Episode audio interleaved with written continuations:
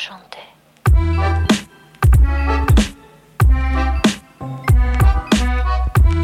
Varmt välkomna ska ni vara till Tutski 5. Stort tack för att ni är med och stort tack för att ni lyssnar på oss. Stort tack för att ni sprider vårt gospel om den absolut bästa guiden inför sommarens stora fotbollsfest.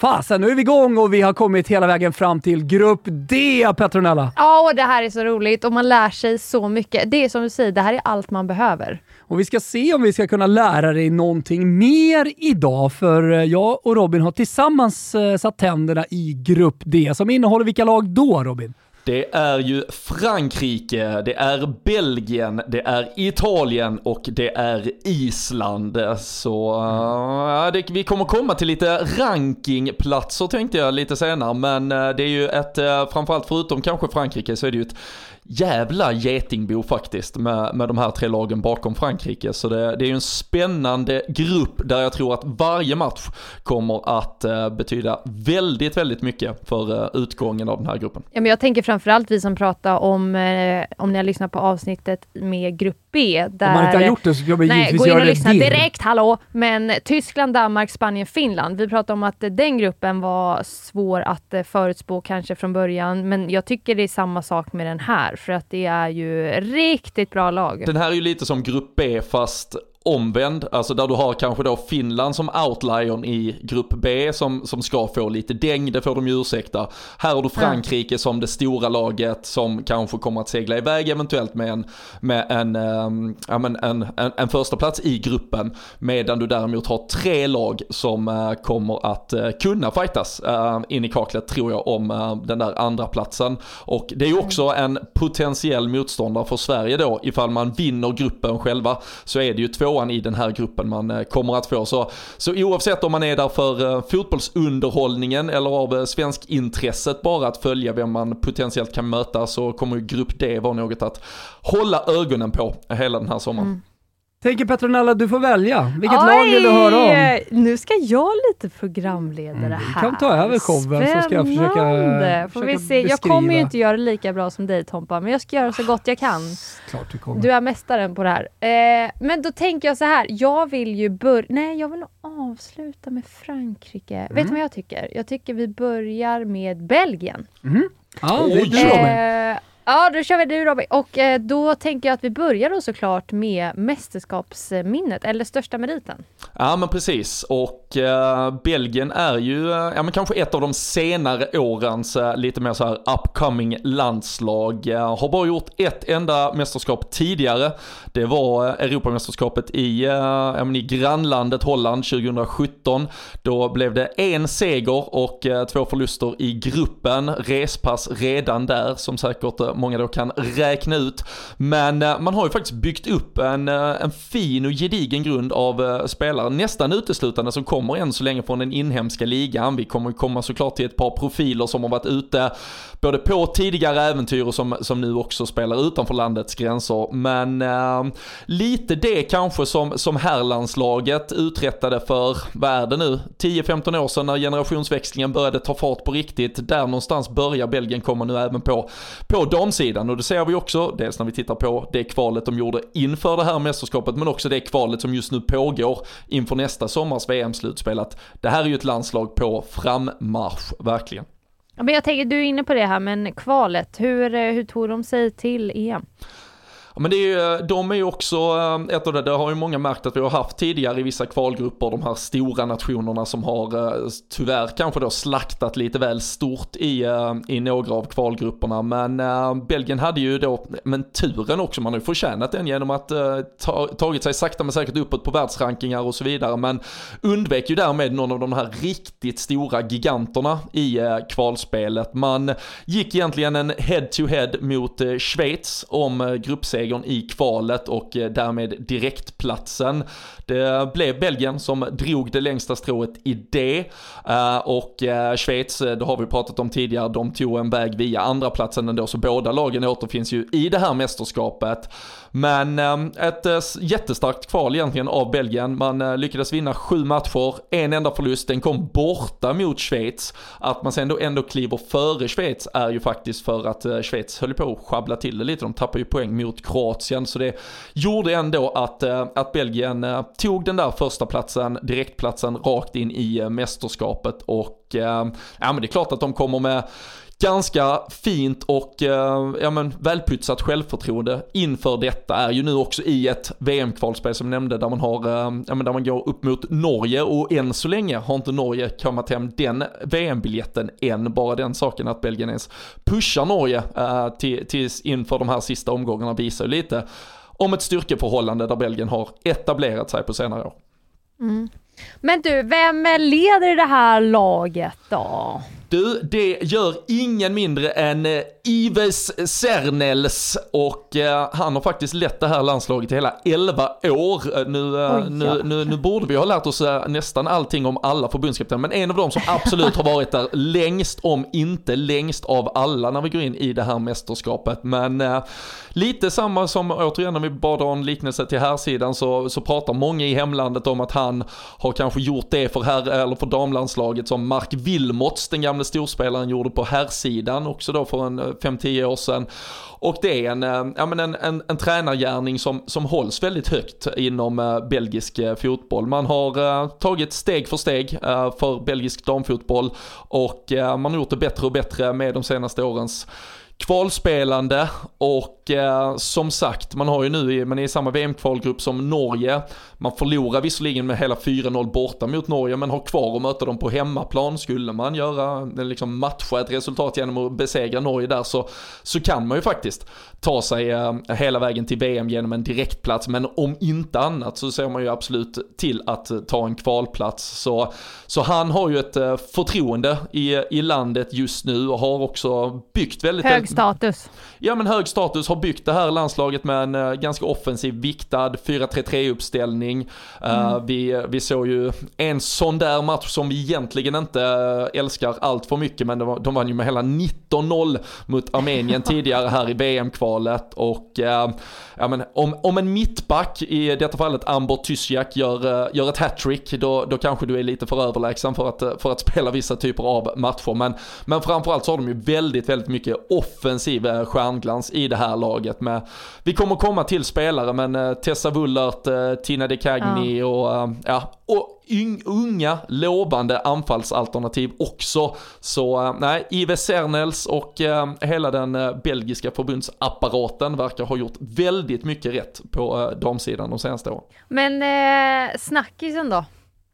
inför eh, mästerskap? Ja men det är ju egentligen lite det här som vi, som vi är inne på. Att uh, det är ett landslag som, som andas uh, optimism och som jag nämnde där förutom att Frankrike kanske ses som ja, men en given favorit i den här gruppen så, så känner nog Belgien precis kanske på samma sätt som både Italien och Island lite gör i den här gruppen att det här kan mm. vara deras chans att ta sig till ett, ett slutspel i EM. Vi har alltså Italien är rankade 14 i världen, Island mm, mm. 18, Belgien 20. Det är därmed, det är ja och det är den gruppen faktiskt då som har alltså det, det lägst sidade andra laget, alltså det finns ingen tydlig tvåa bakom Frankrike, men samtidigt då det högst sidade fjärde laget, så vi har ju ett geting, ja. återigen det är verkligen ett getingbo mellan de här och, tre och eh, landslag som är på väg framåt, Exakt. där kanske rankingen som bygger på historiska resultat ljuger lite grann sett till den kvalitet som de faktiskt har, eller hur? Ja, skulle, skulle jag titta, alltså Island har ju faktiskt kanske tidigare än Belgien haft, eh, varit, varit lite etablerade på den här nivån, så det, det är ju också bara ett par resultat från att det mycket väl kan slå om beroende på hur, hur satsningar tar vägen i de olika länderna. Så, så det här är, ja men som sagt, så det, det är ändå med optimism och eh, en, en chans att tro på att att eh, man ska kunna ställa till det i ett mästerskap och faktiskt få en, en slutspelsplats för första gången någonsin i ett, eh, ja, ett mästerskap på den här nivån.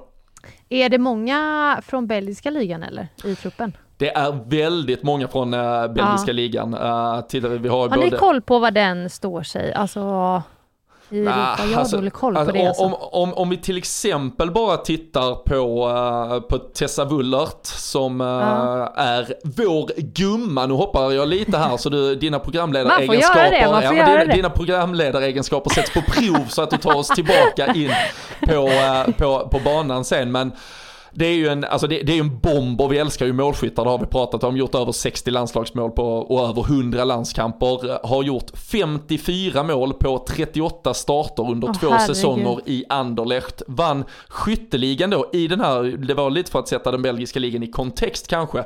Hon vinner alltså skytteligan på 26 mål medan tvåan gör 11 mål i skytteligan. Det pratar lite kanske om hennes överlägsenhet. Samtidigt så vinner Anderlecht bara ligan med en poängs marginal ner till Löven på andra plats. Men hon är, hon är fortfarande bara 29 år gammal hon har varit i både Wolfsburg, hon har varit i City tidigare, men hon har skrivit på för nykomlingarna Fortuna Sittard i den holländska ligan. Om vi nu ska prata, vad väljer man? Ah. Hon väljer uppenbarligen att lämna sitt, eller om man säger belgiska storlaget Anderlecht för att gå till den holländska ligan.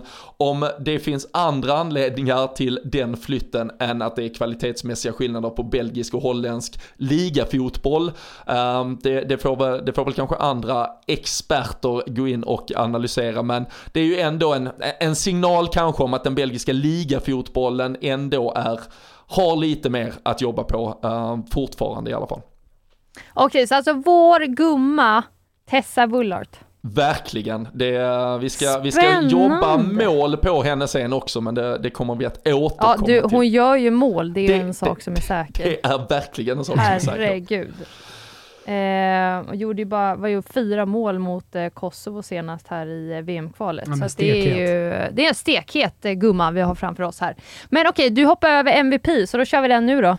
Ja men precis, och där finns ju många, och det är klart, ni, ni hör på hennes målstatus eller mål, målfacit här bara från eh, Tessa Wullert att hon kommer vara viktig också. Och eh, vi har även eh, Tina De Cagni till exempel som kommer vara otroligt viktig. Det är mycket av den här offensiva kraften som, som nog blir väldigt viktig för Belgien. Men jag tar ändå ut Janice Keiman äh, ja, från Lyon. Du?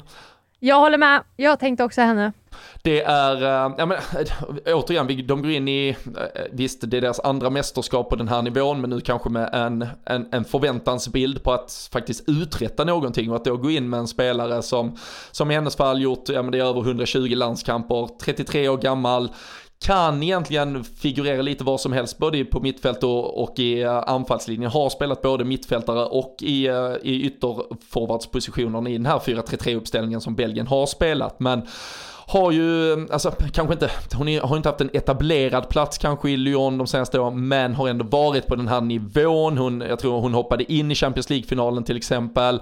Hon har varit även i Montpellier tidigare. Hon, hon har spelat på en annan nivå. Hon har ändå, hon kan bistå det här laget. Vi kommer komma till lite stjärnskott och unga spelare. Hon kan bistå med rutin i detta eh, för att ändå hålla ihop det här, eh, det här belgiska landslaget. Så ja, att hon gör ett bra mästerskap tror jag kommer vara väldigt, väldigt viktigt för att eh, Belgien ska, ska ta den där andra platsen bakom Frankrike som man hoppas på. Mm. Men jag tänker också framförallt att komma in med den ligan som Lyon har haft, eller den säsongen som Lyon har haft det här året och komma in med det till det här mästerskapet och den erfarenheten och den rutinen som hon besitter. Alltså hon är också en sån spelare, alltså när jag ser henne, jag blir typ livrädd. Det är någon aura runt henne som bara så utstrålar en sjuk liksom vinnarskalle, går in alltid 120 000 procent i varje duell. Jätteskicklig, bra teknik, men också det här att kunna liksom balansera off och def. Jo, eh, och tror jag kommer vara jätteviktig för Belgien. Ja, alltså kravställandet på, på medspelare också. Hon kommer från en, du kommer ändå från en träningsmiljö där du också ser den här nivån på dina lagkamrater i Lyon och vi, vi har pratat om, om andra lag och även det svenska landslaget att du kommer spelare in till en landslagssamling som har varit med och vunnit saker som vet vad som krävs för att ta de där sista, sista stegen och de sista procenten hur du mjölkar det ur både dig själv och dina lagkamrater. Så, så att hon kommer in i, ehm, i den här landslagssamlingen med, med allt det hon har med sig tror jag det kommer vara väldigt, väldigt viktigt i alla fall. Så att, att hon är MVP, det, det tycker jag inte är någon jättestor debatt kring. Det, det kommer vara viktigt att hon gör ett, eh, ett bra mästerskap för att Belgien ska ha en chans här. Du Tobba, du är med på den? Oh, ja, ja, för fan. Jag hör bara Robin och bara köper allt han säger. eh, men okej, okay. alltså jag är jättespänd på vad du har valt för stjärnskott. Det är, eh, jag tycker egentligen det finns eh, två, jag, jag nämnde ju eh, Löven som kommer på, på andra plats i ligaspelet och de har ju två stycken anfallare faktiskt, båda födda 2003. Jill Jansen och Hanna Erlings och där är det ju ändå Hanna Erlings som ligger längst fram just nu. Hon gjorde fem mål den gångna säsongen, Jill Jansen tre och Hanna Erlings har också gjort ett, ett par landskamper, fler har också gjort en hel del mål i de här senaste landskamperna. Men med rätt utväg, alltså, man hade nästan velat ta en paketdeal här och plocka in båda två med tanke på att alltså, det är väldigt få landslag som har två stycken 19-åringar som går, går in och är med i en trupp i en anfallsbesättning. Men Hanna Erlings, eh, den som har fått spela mest, eh, väldigt många av de senaste belgiska elvorna har varit just Hanna Erlings tillsammans med Tessa Wullert och eh, Tina de Cagni eh, offensivt. Eh, om man inte till och med då spelar Janice Cayman i, i den positionen. Så det, Hanna Erlings är den vi ska följa vad gäller de unga lovande offensiva hoten i det här belgiska laget och jag kan tänka mig att hon nog kommer av de här stjärnskotten vi har pratat om kan hon nog vara en av de som kommer att få ganska mycket speltid faktiskt bland eh, ja. de unga lovande talangerna. Häftigt, men det är också häftigt tycker jag med Jansen, alltså hon har ju spelat mycket med ungdomslandslagen och U19 framför allt, eh, har ju spelat nu de tre senaste landskamperna med liksom A-landslaget. Så att eh, också en jättebra spelare att hålla koll på, men jag håller också med, Erlings är eh, lite, lite snäppet vassare. Och mm. det är stjärnskottet! Kanon! Okej, hur säger man det här då? På, vad, hur, uttalar, hur pratar man ens belgiska? Nej, det är flamländska eller så får du prata franska. Då... Les rebelles. Rebelle. Det är bara att gå på det franska, Rebelle. det är enklast. Det förstår alla.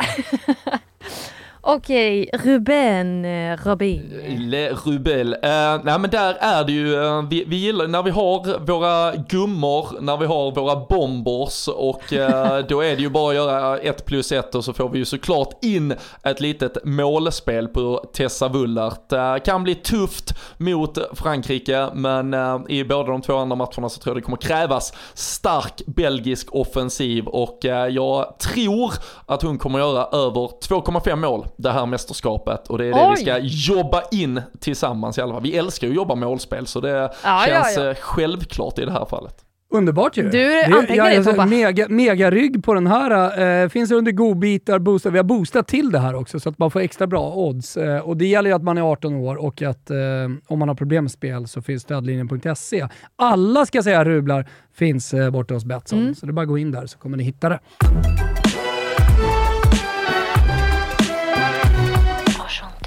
Tutski 5 är sponsrade av Elgiganten, alltså marknadsledande i Sverige inom hemelektronik. Deras mål är att vara en pålitlig rådgivare och skicka en lösning som passar alla ni där ute på det absolut bästa sättet. Förutom hårdvara så hjälper de till med installation, hemkörningssupport vad det gäller datorer och mobiler och så vidare. Det är ju bra, eller hur Robin? Ja, men det är Från ax till limpa så att säga. Ja, men hela paketet. Det vet ju jag i alla fall, att eh, få hjälp längs vägen, det, det behöver man. Ja, vet du vad jag vet, jag vet att Petronella gillar? Nej, berätta. Sommarreor. Jajamensan! Speciellt nu när man renoverar. Alltså, då behöver man alla bra priser man kan få. Jajamän, då ska du gå in i ett Elgiganten-varuhus eller gå in på elgiganten.se för just nu så har de extremt många produkter med i sin sommarkampanj. De har någonting för alla. Så de har någonting för dig Robin och de har någonting för dig Petra.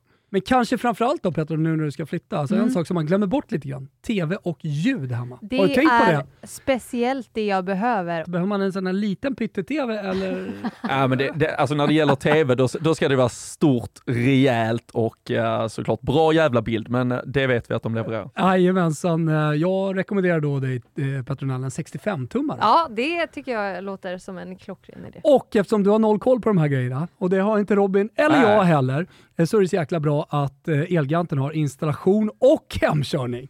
Så de löser liksom verkligen alltihopa. Man eh, kan till och med få låna släp om man skulle vilja. Ja, kanon! Ah, kanon. Vilket gäng va! Man kan alltså beställa online, få snabb leverans till dörren, installation, montering och bildoptimering. Nej, men ni har ju, Elgiganten har allt för att man ska kunna komma så nära liveupplevelsen man bara kan utan att fysiskt vara på plats i England eller på läktarna runt om i fotbolls-Europa.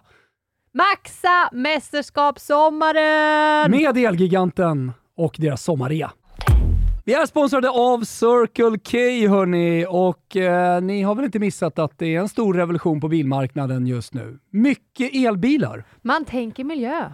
Jajamensan, det gör man och eh, elbilarna blir allt fler och då hänger ju såklart Circle K med. I Circle K Charge-appen så registrerar man enkelt ett konto och så betalar man digitalt. Eh, det är väldigt enkelt i den här appen att se var laddstationerna finns och om de är lediga. Det tycker jag är en jävligt smidig grej. Ja, det är kan man planera kommer, sin körning, Ja, det är liksom. surt om man kommer fram och så är det upptaget. Ja. Men här håller man sig uppdaterad. Och eh, Robin, jag vet att du älskar deras korvutbud. Ja men det är ju verkligen och eh, framförallt som småbarnsförälder så, så är det ju, eh, det kan ibland bli så att man tar ett extra stopp bara för att det är så jäkla trevligt att gå in som en säger. annan glass Ja kanske? men få, få en korv, få en kaffe, få en glass. Alla är nöjda innan man beger sig vidare. Så nej, det kommer att bli ett, jag menar, ett otaligt antal stopp längs vägarna denna sommaren. Ja, det är Circle K-sommar lanserar vi. Man får också en sommarlott numera som är så trevligt. Ja. Men framförallt ladda ner appen Circle K Charge så är ni med med era elbilar och eh, laddar på Circle K. Vi säger stort tack för att ni är med och möjliggör Toto 5.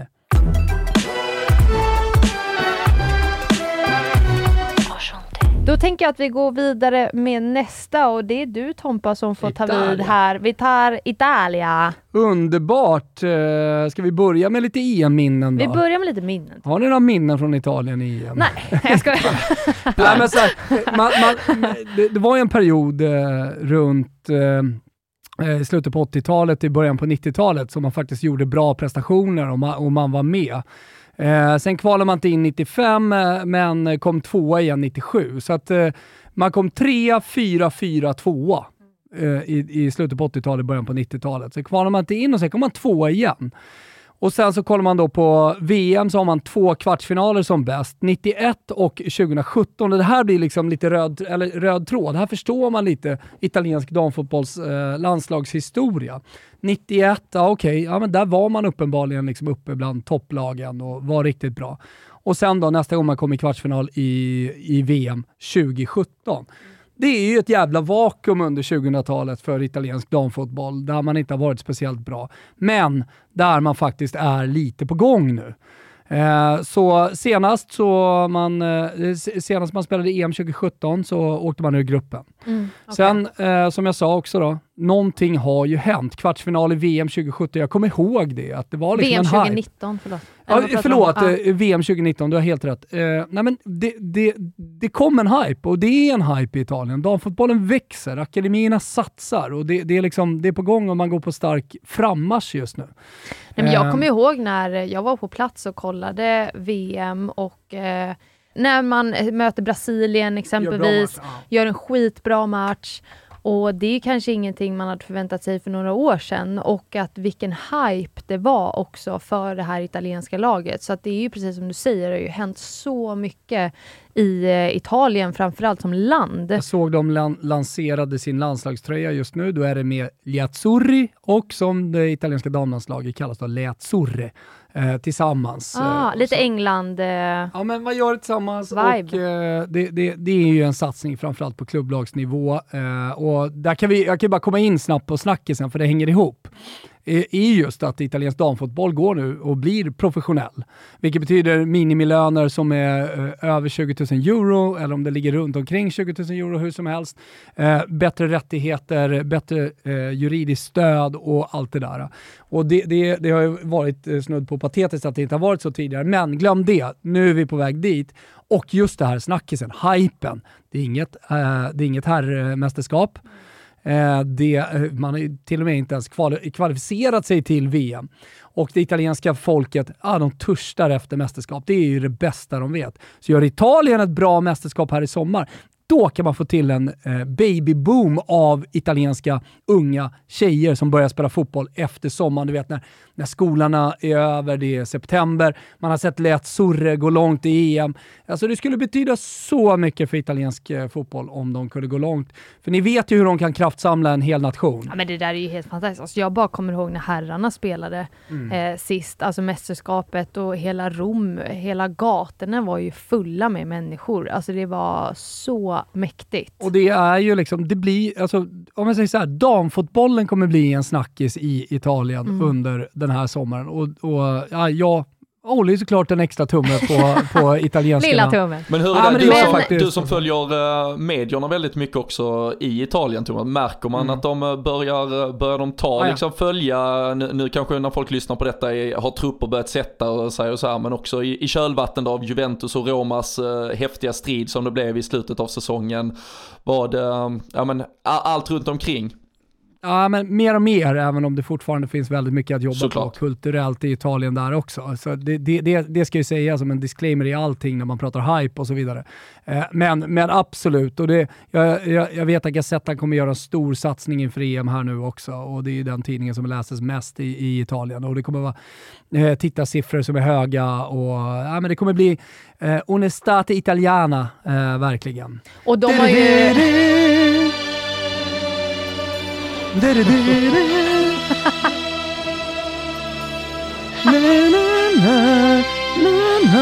Och så de hypade också av att det italienska herrlandslaget vann EM för ett år Ja, sedan. det är klart.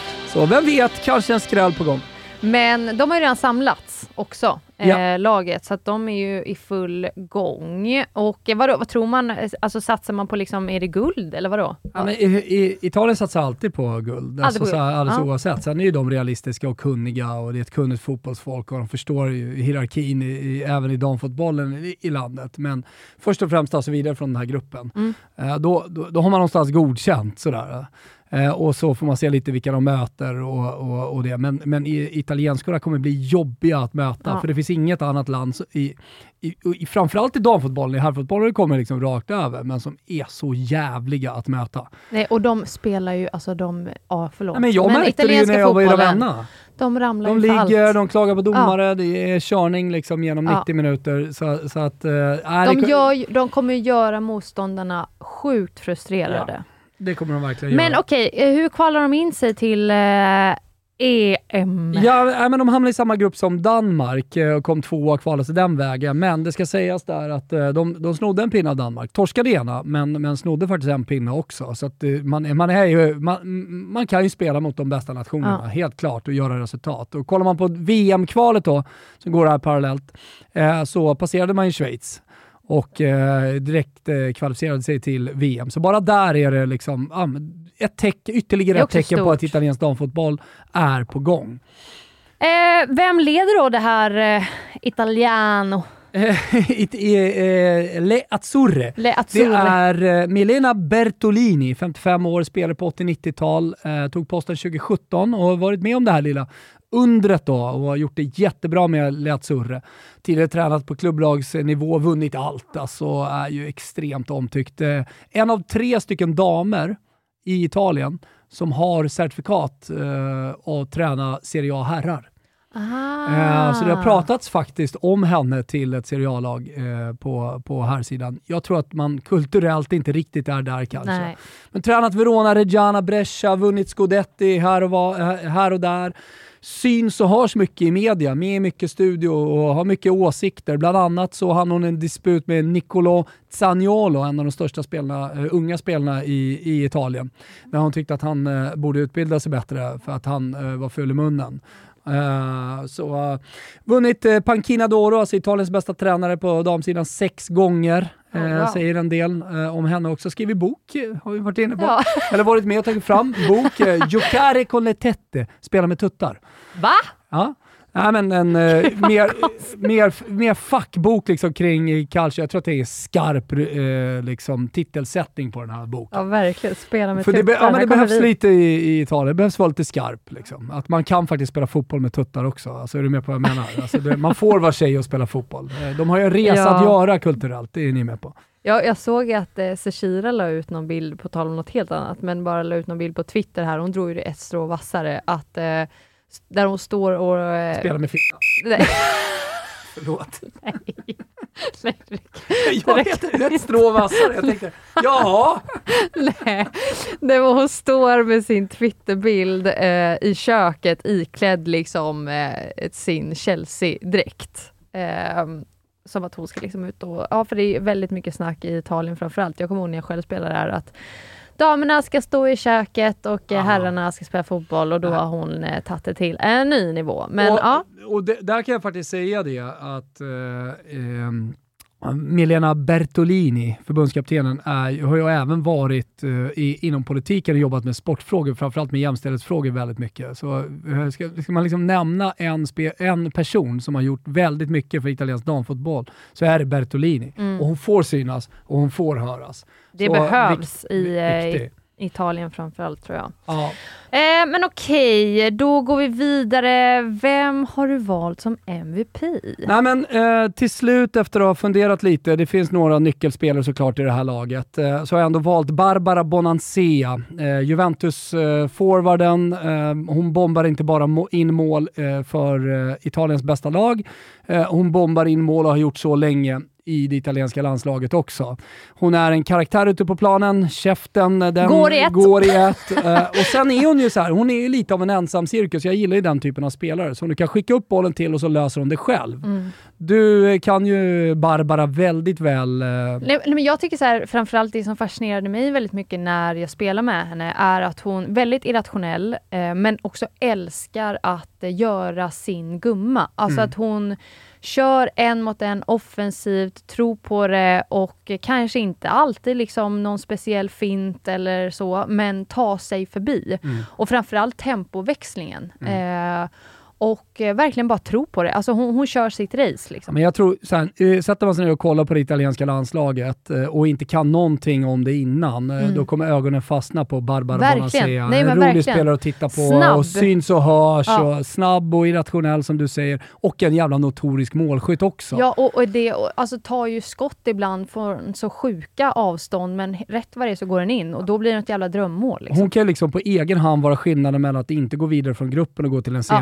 Semifinal. Nej, så att verkligen. liksom få in Barbara i dunderform inför EM, eh, det är fundamentalt för Italien och därför blir hon också MVP här. Ja, men har ju också faktiskt ryktats för något år sedan här till typ Lyon bland annat Mm. och lite så här de här storklubbarna ute i Europa. Men har ju valt att stanna i Juventus, signar ju nytt eh, också kontrakt Lilla nu. tröskeln där för de italienska spelarna att eh, inte... Jag tror det är så. Men okej, ja, jag, eh, väntar lite här med att se vad du säger om de andra innan jag eh, återkommer. Men eh, vad har vi för lilla gumman då? Ja. Vår gumma. Nej, men eh, ja, eh, är det så att man har eh, en egen, fått en egen Barbie-docka, min dotter Alba älskar Barbie-dockor, alltså det bästa hon vet, eh, från då linjen Barbie Sheroes. Eh, så, ja, men det här, det här, jag har inte införskaffat den än, men kommer definitivt att göra det. Ja, men då, då, då, då är man ju snudd på given, men sett till liksom, hennes spelstil, hur hon också syns och hörs på planen, tar enormt mycket plats med sin stora pondus, sitt, eh, eh, sitt, sitt stora hår och sitt härliga sätt att vara. Hon är ju också ett ansikte utåt för italiensk damfotboll. Hon är lite av eh, Chiellini, vad Chiellini är för eh, Liazzurri är hon för Liazzurri.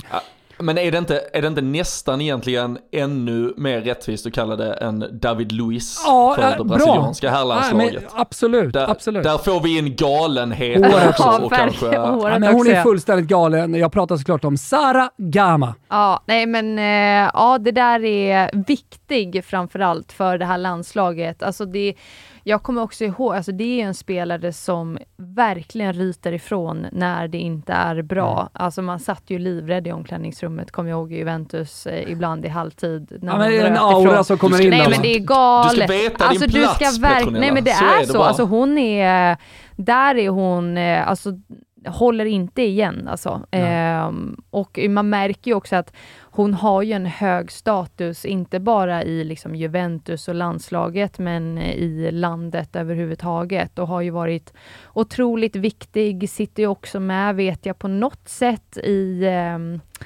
förbundet, eh, någon form av styrelse eller någonting tror jag och har ju varit väldigt delaktig i också det här att göra ligan professionell. Absolut. Ehm. hon, är- hon, är, hon syns och hörs Ja, i nej, men reklamer, jättemycket. i studios och är, är som sagt ett ansikte utåt för det här Ja. eh, Azzurri-laget. Ja. Ni kommer älska henne om ni sätter ner och kollar på, Nej, hon är på Italien galen. i sommar. Det enda jag, jag har ju lite problem ibland med henne ifall man ser till spelet då, så här positionsspel och i. lite sådana grejer. Hon liksom flänger och kör sitt race, Mm. men eh, absolut en karaktär och någon som syns och hörs Mm. extremt mycket. Ja, spännande. Men eh, stjärnskott då? Ja, nej, men exakt. Eh, Det är flera unga spelare i, italien, i den italienska truppen som kommer från Roma, alltså av Ja. de yngre spelarna, eh, som är väldigt bra. Till exempel så har vi Angelica Sofia, Mm. eh, växte upp som mittfältare, snabb, bra teknik, framförallt stenhård i, nat- eh, närkamperna. Ja. Nu omskolad i Roma till eh, eh, ytterback. Men jag valde inte henne, utan jag Nej. valde nummer sju i det här landslaget. Varför gjorde jag då det? Jo, för att jag, jag älskar hennes spelstil. Jag tror att hon kan få ett genombrott i sommar dessutom. Det är kanske eh, en spelare som man fastnar lite mer på. Hon har redan gjort 10 landskamper trots att hon är född 99. Växte upp eh, i Monza, eh, kom till Juventus fortfarande som flicklagsspelare och sen har hon liksom pendlat lite, varit lite på utlån, men har ju den här säsongen verkligen vuxit ut en fantastisk fotbollsspelare. Så hon har liksom fått sitt klubbgenombrott den här säsongen och det är Benedetta Aljona. Mm. Älskar Eh, henne. Hon är ja, grym alltså. Ja men exakt. Snabb, eh, härlig, irrationell också. eh, och eh, Bara det att hon är född i Neapel, hetlevrad spelare, alltså typiskt italienskt liksom, anfallsspelare. Sådär. Ja, jag tycker hon är jättehärlig och jag har verkligen gillat henne och det jag sett i, i Roma den här säsongen. Hon är lite av en joker i den italienska truppen här nu. Ja, jag, jag kommer ihåg när hon var i Juventus, när vi spelade ihop. Hon gjorde en fantastisk säsong då. Fick tyvärr inte så mycket speltid som jag tycker att hon eh, var förtjänt. Eh, det var en spelare då, kommer jag ihåg, som var så här Gud, du måste komma till Sverige, du måste spela i ett svenskt lag för att du är så grym. Alltså, du hade behövts där. Eh, väldigt, väldigt bra offensivt, en mot en snabb också. Mm. Eh, och inte så italiensk egentligen i sin spelstil. Nu sa jag att hon var så här italiensk i spelstil, jag menar mer humöret. Ja, och ja, så här, absolut, så här, Riktigt så här absolut. napolitanskt yvigt Ja. och man vet aldrig riktigt vad som händer. Men, så har jag fått henne eh, beskriven av ja. mina Roma-kontakter. Men eh, jag tycker nog lite mer kanske så här, ehm, eh, mer åt det kanske det svenska engelska hållet. Att hon hade, Rak. pass, ja, att hon hade passat mer i, i det. Eh, Tyskland också Mm. eh, exempelvis. Men- Gjorde ju en dundersäsong i Empoli eh, Ja. för, eh, säsongen innan då hon gick till Roma eh, den här säsongen. Mm. Och har gjort fyra mål, sex assist eh, och ja, men som, som jag sa, liksom, verkligen fått ett genombrott i ett lag som ändå har krigat mot Juventus om titeln. Jag gillar ju också en, på tal om född 99, Ariana Caruso som eh, spelar i Juventus, har ju verkligen tagit en plats där i år och gjort det fantastiskt bra. Eh, också startspelare, tror jag, i landslaget.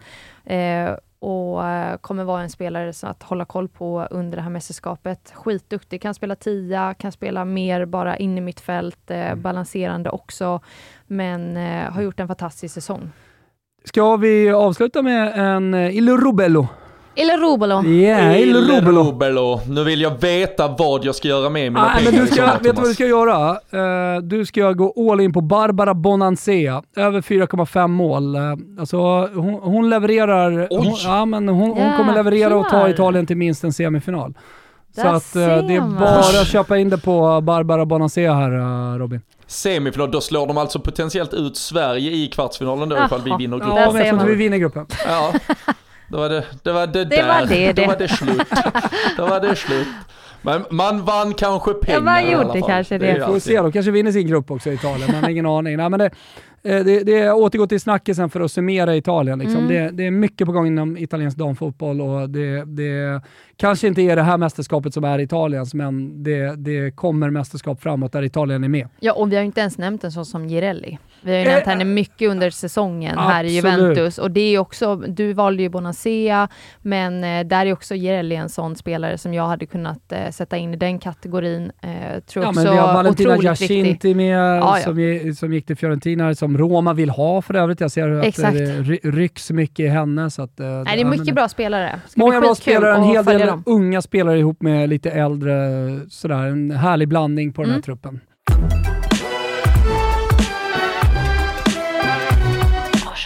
Ja, men spännande. Men eh, då tänker jag att vi tar Island här Vi kastar, näst. oss, vi, vi kastar oss eh, rätt över eh, Island. Vad har vi eh, för mästerskapsminnen där? Ja, det är inga, det är inga dunderminnen på, på, på Island.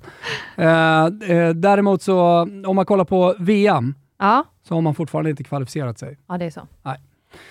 Eh, to be de determined såklart fortfarande uh, och man är med i racet om, om uh, VM. Men om man kollar på EM i alla fall så var man med till gruppspelet 2009, första gången man var med. Mm. 2013 kvartsfinal i Sverige var ju det ju. Just det. det minns du. Just det. och sen 2017 så var man också med, men bara till gruppen där man åkte ut.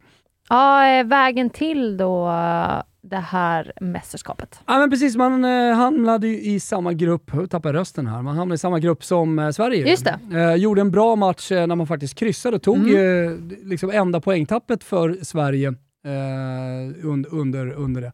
Och sen så torskade man, resten vann man. Mm. Eh, så det, är ju ett av de här lagen, vi pratar Italien, vi pratar eh, Belgien för all del också. Eh, de är ju väldigt jämna, liksom, ligger precis där bakom. Men det finns ett undantag, men det kommer vi till vad det gäller Island. En jag tycker det är väldigt spännande. Ja, jag vet inte men så mycket. då tänker jag så här, vem ska leda, eller vem leder det här laget nu när de behöver skaffa lite bättre Ja ah, men exakt, det är en lokal gubbe här va. Bor, Porstein Haldursson. Oj. Och nu vet jag att islänningarna kommer bara... Äh.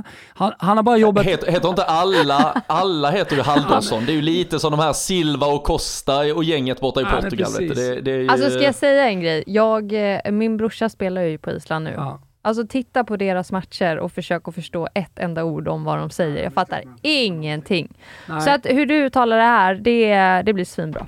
Jag säger så här, inhemsk gubbe, 54 bast, varit i klubbfotbollen där eh, och jobbat mycket med dam, eh, damfotbollen. Eh, han, han, är, han är på väg att göra någonting stort, i alla fall någonting bra. Så mm. Han har ju tagit dem till det här mästerskapet också. Så det, det, det, det, är en lokal gubbe helt enkelt som, som, som tar det här laget.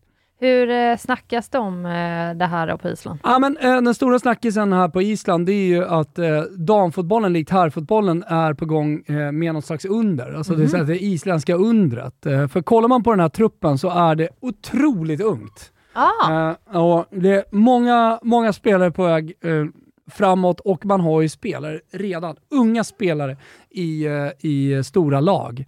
Eh, så eh, man, man, skulle kunna nämna liksom några stycken där, men du har eh, till exempel Albertsdotter i Häcken, du har Johansdotter i Frankfurt, du har Lea Wilhelmsdotter, bara 20 år, född 2001, i Bayern München.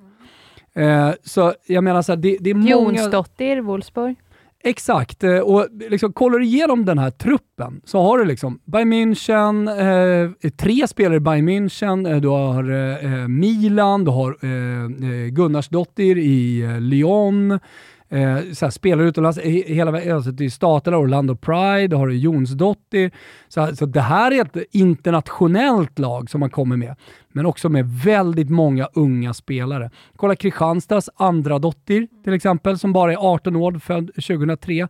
Alltså många unga spelare som är på väg framåt. Jonsdottir född 2001 i Wolfsburg. Så här, det, det, men så det är liksom gång, det liksom man är... snackar om, att det är, så här, det är en typ generationsväxling på ja, något sätt? Det, det, det är en generationsväxling. Framförallt så är det unga spelare som är på väg framåt. Här. Ja. Alltså det, det, och man, man fostrar väldigt bra spelare på Island uppenbarligen. Mm.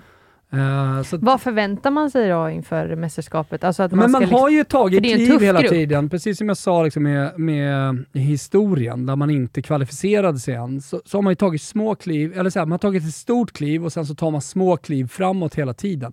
Man har inte riktigt rutiner, man kanske inte har de stora världsspelarna för att nå hela vägen fram. Men du ser ju vilka lag de spelar i, de här spelarna. Ja. Uh, och uh, åldern på de spelarna liksom, som får chansen i A-landslaget. Ja, häftigt ja. alltså. Det ska bli kul att följa det här laget tycker jag. Verkligen. Eh, MVP? MVP, jag tycker att det är liksom tydligt att det är eh, Sara Björk Gunnarsdottir, ja. Lyon-spelaren, eh, mittfältsnavet, eh, gjort 138 landskamper, gör också en del mål från sin mittfältsposition. Eh, hon, hon får ihop det här unga laget. Hon, hon, eh, hon har varit med så pass länge och liksom most capped av alla eh, spelare någonsin. Så att, eh, det, det, det, är, det är den stora symbolen och liksom den, den viktigaste spelaren. Det går liksom inte att hitta en annan spelare som är så Nej, alltså som hon. Är, hon är riktigt bra. Hon spelade ju i eh, Rosengård här för några år sedan också. Mm. Eh, men har ju framförallt nu precis kommit tillbaka. Hon har ju blivit mamma. Eh, kommit tillbaka, fått spela lite med Lyon.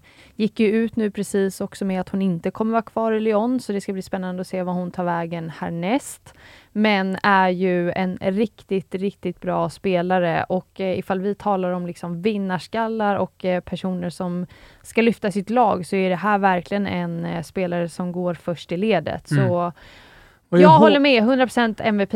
Ja, och det var ju hon eh, tillsammans med, ja, hon var ju bland annat i Kristianstad, i Potsdam och så vidare, anfallaren Margret eh, Vioarsdottir eh, som liksom ledde landslaget. Nu, hon är född eh, 86, 35 år, lagt av. Eh, så det finns ju ett eh, liksom, litet tomrum där efter henne såklart att fylla i, i Island. Eh, men vad har vi för, eh, vem är vår gumma då? Vår gumma är Jonsdottir. Jajamän, jag håller med. Sveindis Jonsdottir. Sveindis Jane Jag nämnde henne här tidigare när jag liksom, ja, men pratade om eh, unga spelare och sådär framåt. Hon har nämnts också i Toto 5 under året. Eh, härlig spelare, anfallare och det är tomrum att fylla i anfallet och sådär.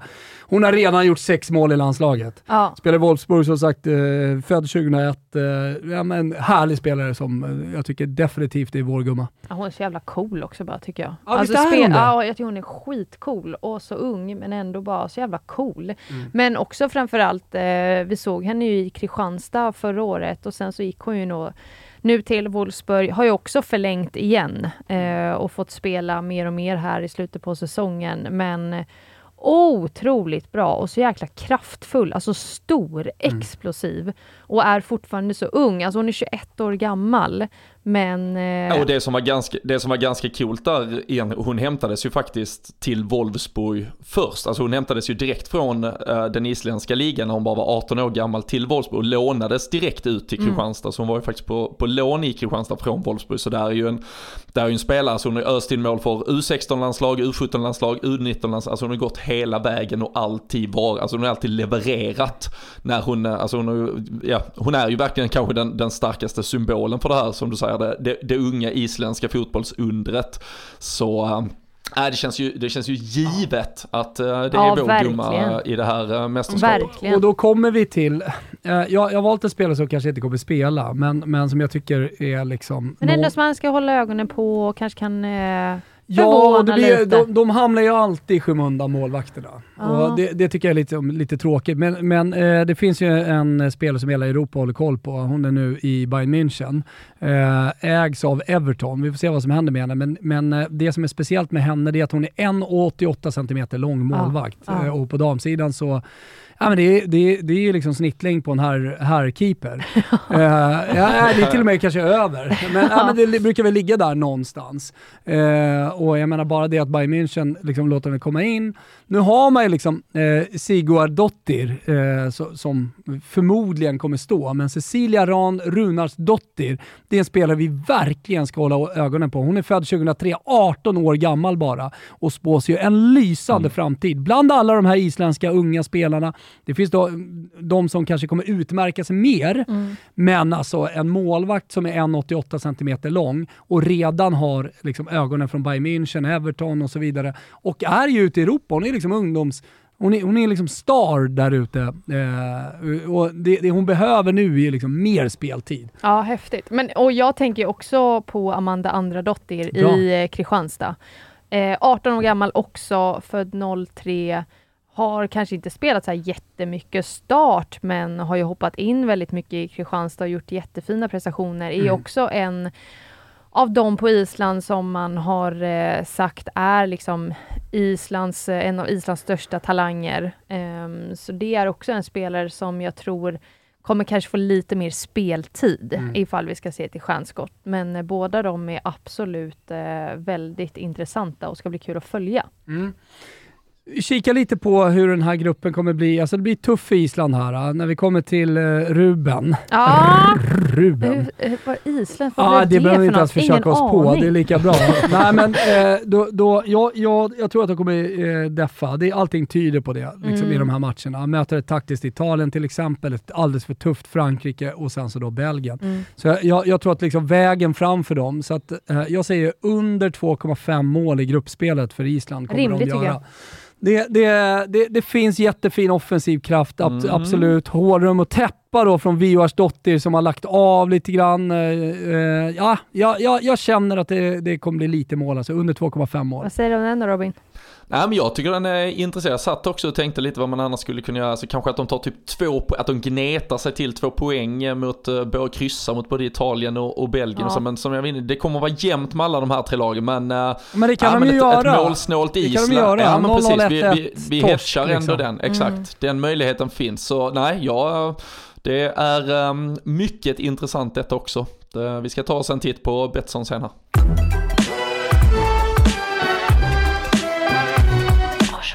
Då är det bara ett lag kvar och det är Frankrike. Sen Ja. har vi gått igenom precis alla lag i EM. Jajamensan.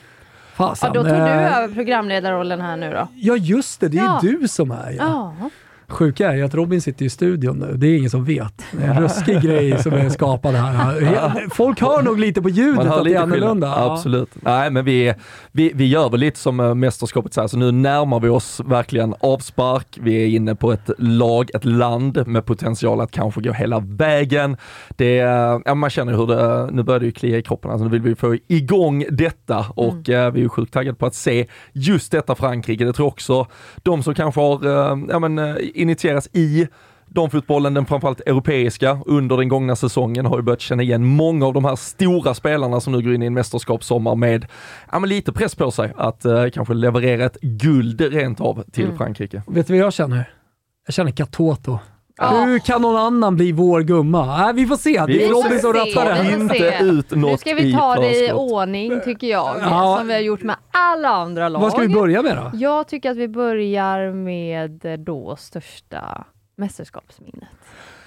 Och då tänker jag att många nog kanske tänker om man då har sett och hört om Lyons otroliga ja men, ja men nutidshistoria, eller de senaste 10-15 åren egentligen, att okej, fransk fotboll har väl slaktat allting egentligen, men på landslags... Ja, det är mycket snack om akademierna, fransk fotboll på väg fram, Lyon som vinner Champions Lyon League. och är. PSG som, som eh, går väldigt starkt nu också. Men eh, tittar vi på landslagsfronten så, så finns det ju egentligen inte så många stora meriter att prata om. Man har ju inte tagit sig förbi kvartsfinal i EM eller VM någonsin, förutom en enda gång och det var ju i VM Otroligt, 2011. Alltså det känns så konstigt. Ja. Det känns som att så här, Frankrike har hur mycket Ja. titlar som helst typ. Ja och sen vi, vi kommer komma till det lite och vi kan prata, de, har, de var ju framme i en kvartsfinal 2019, förlorade mot USA som Mm. vi vet hur starka de är, så det är klart att det har funnits möjligheter där kanske marginalerna inte har varit på deras sida. Men som sagt, att då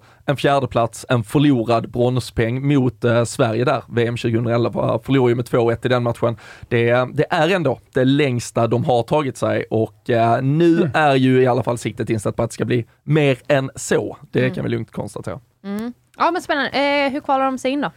Som eh, vi har varit inne på med, med många av de här eh, ja, men förhandstippade favoriterna så eh, gjorde man slarvsylta av ja, men det mesta egentligen. Uh, framförallt total utklassning av både Kazakstan och Nordmakedonien. De får, ur, Svåra länder. ja, de får ursäkta lite i sammanhanget, men tappade en poäng, eh, eller tappade två poäng. Det blev bara ett kryss borta mot Österrike. Eh, där har vi ju varit inne i tidigare avsnitt när vi har pratat om dem, att det finns en, ja, men en potentiellt stark defensiv de kan luta sig lite mot och den här 0-0 matchen mot Frankrike visar ju att de, när de får det att stämma så kan de ju faktiskt störa de absolut bästa. Men eh, sen är det egentligen ett Frankrike från det kvalet som har steppat upp ännu mer. De eh, hade sin egna, eh, när, vi, när Sverige spelade Algarve Cup till exempel, spelade de ju den här Tournoi de France, då var det segrar mot både Brasilien och Holland, det är ju starka nationer. Gjorde även en rejäl slakt av Finland i den turneringen. Men, eh, Finland fick vara med också. Finland fick vara med på ett litet hörn, eh, fyllde ut den. Kan det ha varit något sent återbud från någon annan lite mer, lite större. Men vem vet, men då var finskorna där och ändå eh, dök upp. Jag tror det blev 5 eller 6-0 till Ja. Frankrike just den matchen. Men som sagt, att slå Brasilien och Holland här bara de senaste månaderna visar ju som sagt var Frankrike är och att de går in med, ja men som en av turneringens stora favoriter nu när det väl är dags. Är det det som är snackisen eller? Ja, det är inte det som är snackisen, utan snackisen kanske den har ju snarare att göra med vår förbundskapten. Vi kan, vi kan hoppa till snackisen, eller ska vi börja och bara ge lite bakgrundshistoria till vår förbundskapten innan vi kliver in Mm, där? Men vi kör lite bakgrundshistoria där ja, men jag tycker vi var gör det jag det. som hoppade. Ja men det, ja, men det, det är helt okej. Nej, men det är helt okej. Kastas helt Alla- vilt alla vet, mellan alltså, ämnena. Vi, vi är trots allt på det, ah, okej vi är inte på det 16, 15 laget. Sverige kommer ju nästa vecka med lite extra superfokus men, äh, nej, men annars tror jag ändå de flesta vet vilka kategorier vi kommer komma till. Vem ska leda laget? Exakt, det är eh, Corinne Diacré, eh, 48 år gammal, tidigare landslagsspelare, själv gjort över 100 landskamper för det här franska landslaget. Var eh, ja, något så vackert ändå som en one club woman, alltså det gillar man ju. Spelar 19 år för Sochaux och... Eh, Det är otroligt. Ja, ja men verkligen. Och nu har hon lett landslaget sedan 2017. Eh, som sagt, det finns lite snackisar, det finns lite Ja, polemik att ta med sig. Men har ju tagit, om man får detta att lyckas, så har man ju faktiskt, då har man tagit det bästa egentligen från två väldigt framgångsrika världar i PSG Lyon som såklart är, det, det väger tungt i truppsammansättningen när vi, när vi tittar på spelare som kommer vara viktiga i det här mästerskapet också. Men satt ihop en väldigt, väldigt eh, attack, liksom glad, offensiv, fredig 4-3-3 uppställning.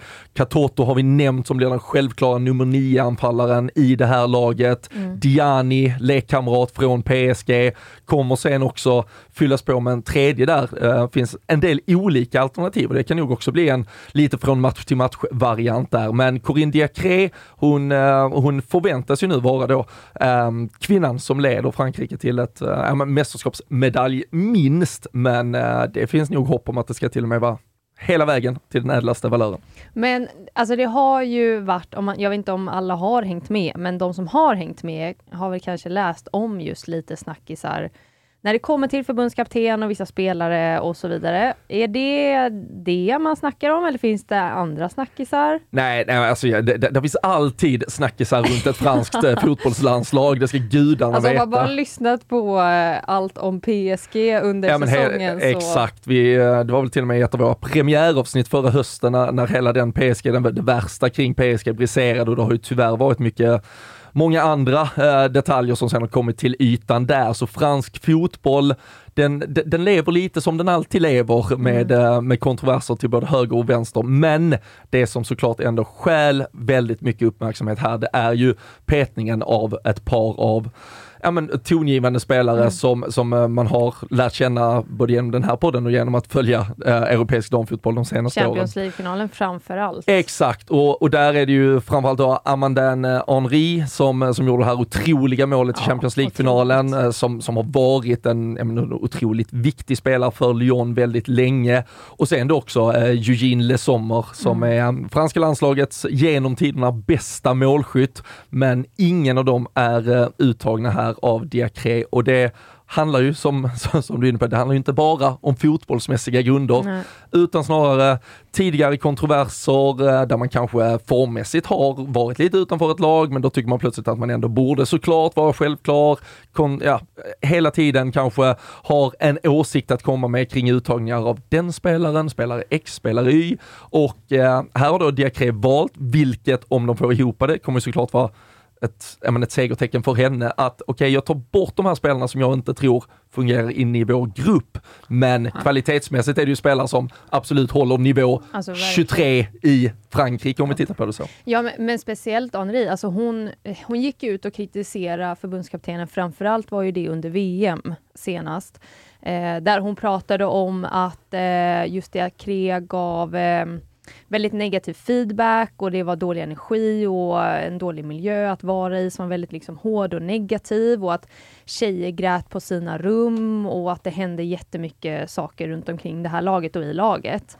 Och sen så var hon ju inte med, vet jag, under något EM-kval. Eh, och sen kom hon ju med igen och nu är, hon, nu är hon ju då inte med till EM, vilket jag ändå tycker en sån spelare som Henri också liksom är, men eh, Henri har ju varit fantastisk under den här säsongen, så att eh, absolut en snackis att hon inte är med. Ja, och det, men det finns ju, historien har ju visat sig, vissa tränare som kan sätta ner foten, plocka bort viktiga egentligen på Mm. pappret spelare, får du ihop gruppen och får den, får den pluseffekten av att det kanske stärker hela gruppen istället, så kanske hon kommer vinnande ur detta. Men ja, hon spelar ett högt spel, Diakre, genom att visa vem Ja. som bestämmer i alla fall. Vi får se om de lyckas i år då. Det får vi göra. Men okej, eh, MVP? Det är en spelare som kanske däremot är eh, mer känd för liksom ett eh, lugn, harmoni, att kliva in och ta ansvar och styra upp saker och ting. För eh, vi kan prata hur mycket som helst om fredig PSG-offensiv eller andra spelare i det här franska landslaget som kommer komma in med otroligt mycket energi. Det är ändå väldigt mycket som jag tycker, tänker, står och faller med att Wendy Renard Ja. håller ja, men både tätt där bak och styr upp gruppen, både med ett ledarskap eh, utanför plan kan jag tänka behövs då. Det, det, det hör man ju här bara. Men sen också på planen. Vi pratar mycket Ada Hegerberg och hennes effekt på ett Lyon när hon kom in i det.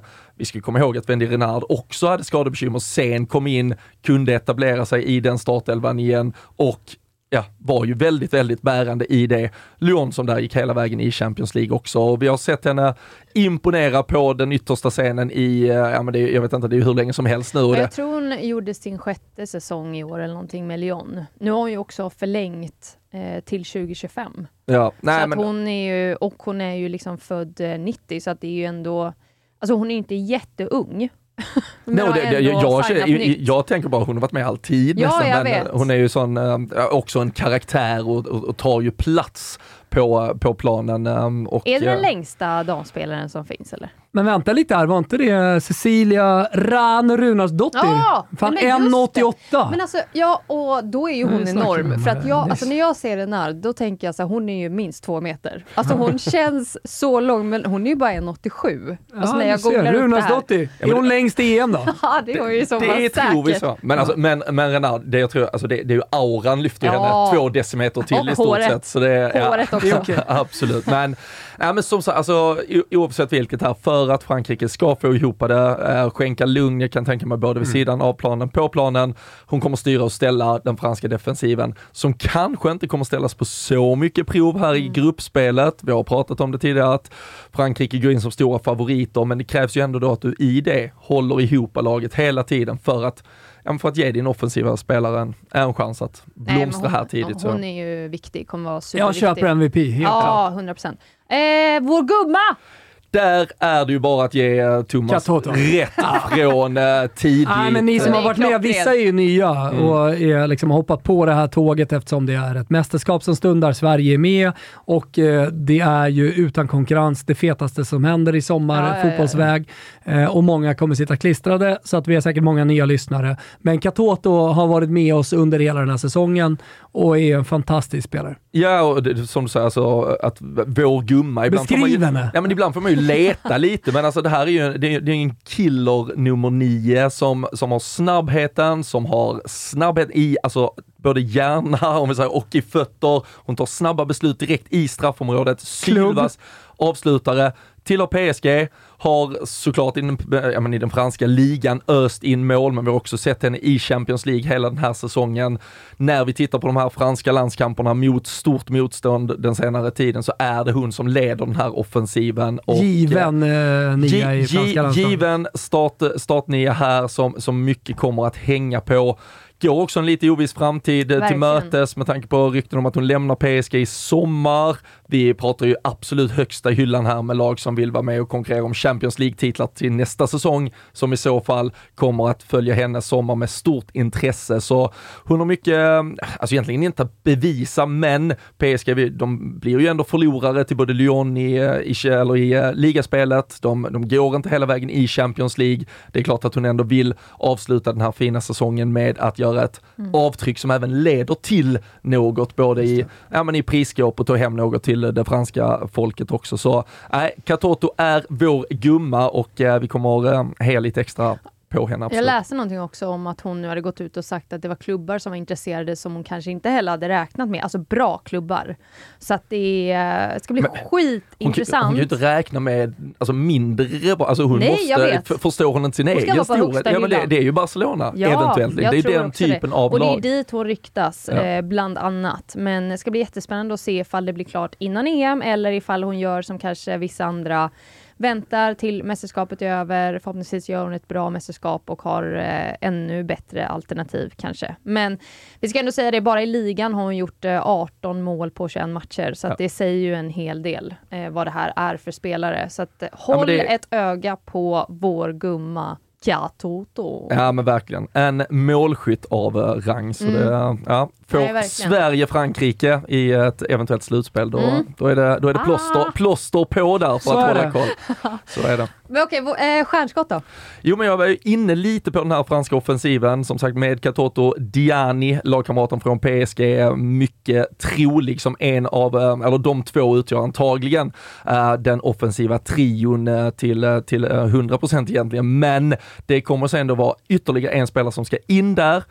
Vi har pratat till exempel om spelare som eh, Cascarino och Baltimore som mycket väl kan ta den rollen, men jag tycker vi har sett i vissa av de här franska träningsmatcherna att man använder också Melvin Mallard, 21-åringen från Lyon är etablerad på den här nivån. Hon eh, spelar Champions League-finalen till exempel, varit med på den, eh, på den yttersta scenen ett, ett tag nu, är mogen uppgiften och eh, vi pratar redan om speed, teknik, alltså elegans i den här franska offensiven och eh, hade jag fått vara Diacré för åtminstone en timme eller två och tagit ut laget, då hade jag gått på Katoto, Diani och Mallard i um, första matchen i alla fall. Jag gillar ju Baltimore också. Sandy ju Och det Baltimore. får man tycka, man ja, får alltså gilla jag gillar olika. henne. Nej, men hon har också spelat mycket i PSG i år, gjort en jättefin säsong. Men jag håller också med, Malardi är fantastisk. Ja, nej, så, um, nej, men så, så här, och det har ju varit lite um, olika om vi tittar tillbaka nu på när vi, när vi kan summera alla fyra grupper, alla 16 lag, om uh, vi inkluderar Sverige där också, att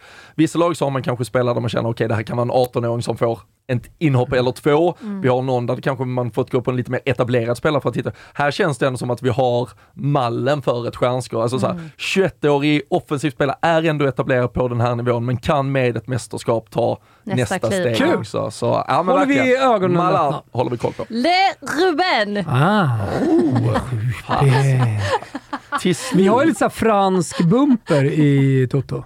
Tänk att den passar. Den får, Ja. komma in här om den vill. Ja, exakt. Nej, men eh, vi har ju pratat om ett Frankrike som eh, vill gå hela vägen. Mm. De eh, siktar ju verkligen, de är ju ett av lagen man ändå får nämna i den absoluta ja, men toppen vad gäller förhandsfavoriter.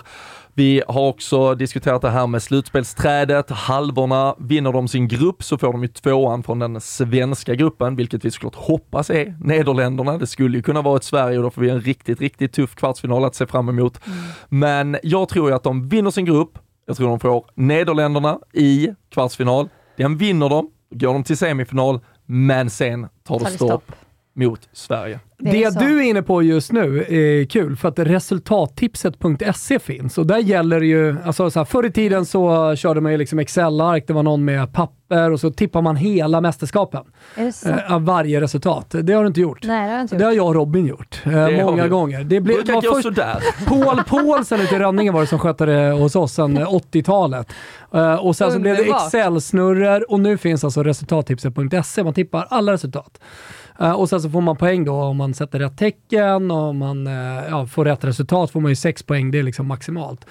Eh, och det finns för EM i sommar också. Så man går in på resultattipset.se. Där finns vår liga. Toto 5 heter den. Är det sant? Jajamensan. Det här var roligt. Eh, ska vi mäta och ska vi fixa lite fina priser och sånt där. Och alla rublar finns på Betsson.com under godbitar boostade odds. Och det gäller för alla som är över 18 år. Har man problem med spel så är det stödlinjen.se. Och där har vi alltså en rubel, alltså ett spel per lag. Precis, som Kul. sagt, de förlorar semifinalen men vinner de bronset. Så här, den här är ju väldigt nischad. Vi har vissa så här, Ah, jobbar lite mål hit och dit, men här, här ska vi jobba in Skitkul. en, Alltså- vi ger dem en medalj, men fan, Ja. fan inte mer än brons. Nej, nej, nej, nej. Och eh, ni ser ju såklart eh, hela mästerskapet på Simor och har man Simor Plus så kan man streama det eh, reklamfritt. Eh, och med koden VIPSOMMAR22TOTO så får man halva priset i tre månader. Då hakar man ju liksom på i augusti när tidiga fotbollsrättigheterna på Simor börjar. Eftersom det är VM-år och, och sådär. Alltså, så är det ju eh, tidiga ligastarter även i Italien och i Spanien och så vidare. Så eh, tre månader halva priset alltså. Champions League, Serie A, La Liga, EM såklart. Bra tillfälle att haka på. Alla filmer, serier, barninnehåll, bla bla bla. Hur mycket som helst. Ja men det är allting. Det är bara att köra hela mästerskapet nu under juli. Sen som du säger, ligorna drar igång i augusti. Det är, ja, det är bara att haka på. Robin Petronella, stort tack för Tutski Femski. Vi har bara ett Nej, avsnitt kvar. Tutski 5. Ja, jag vet, men jag gör det lite till Ja, nu eh, ändrar du liksom specialen. va? Ja, Eh, Vi har ett alltså. avsnitt kvar. Eh, Det kommer bara några dagar innan Sveriges premiär mot Holland. Ja, det blir det. Samma då- vecka som EM startar. Exakt, och då är det fullt fokus på Sverige, Sveriges trupp, hur det har gått i träningslandskamperna och så vidare. Så det är bara att bokmärka, prenumerera på Toto 5 som vi heter normalt sett. eh, och berätta för alla era kompisar att vi finns. Exakt. Vill man ha den bästa eh, EM-guiden, ja då kikar man in här. Absolut. Man behöver inget mer. Nej men Nej. sprid gospeln. Det är ju bara, de, de här fyra avsnitten tycker jag, det, det ska man ju säga som, det är enkla läropengar för att hålla koll på vad som händer i Sverige. Härligt. Eh, A, B, C, D. Alla grupper finns ute, alla lag. Ett avsnitt kvar. Fullt fokus på Sverige. Stort tack hörni. Stort tack! Vi hörs snart. Ciao. Ciao Ciao. tutti.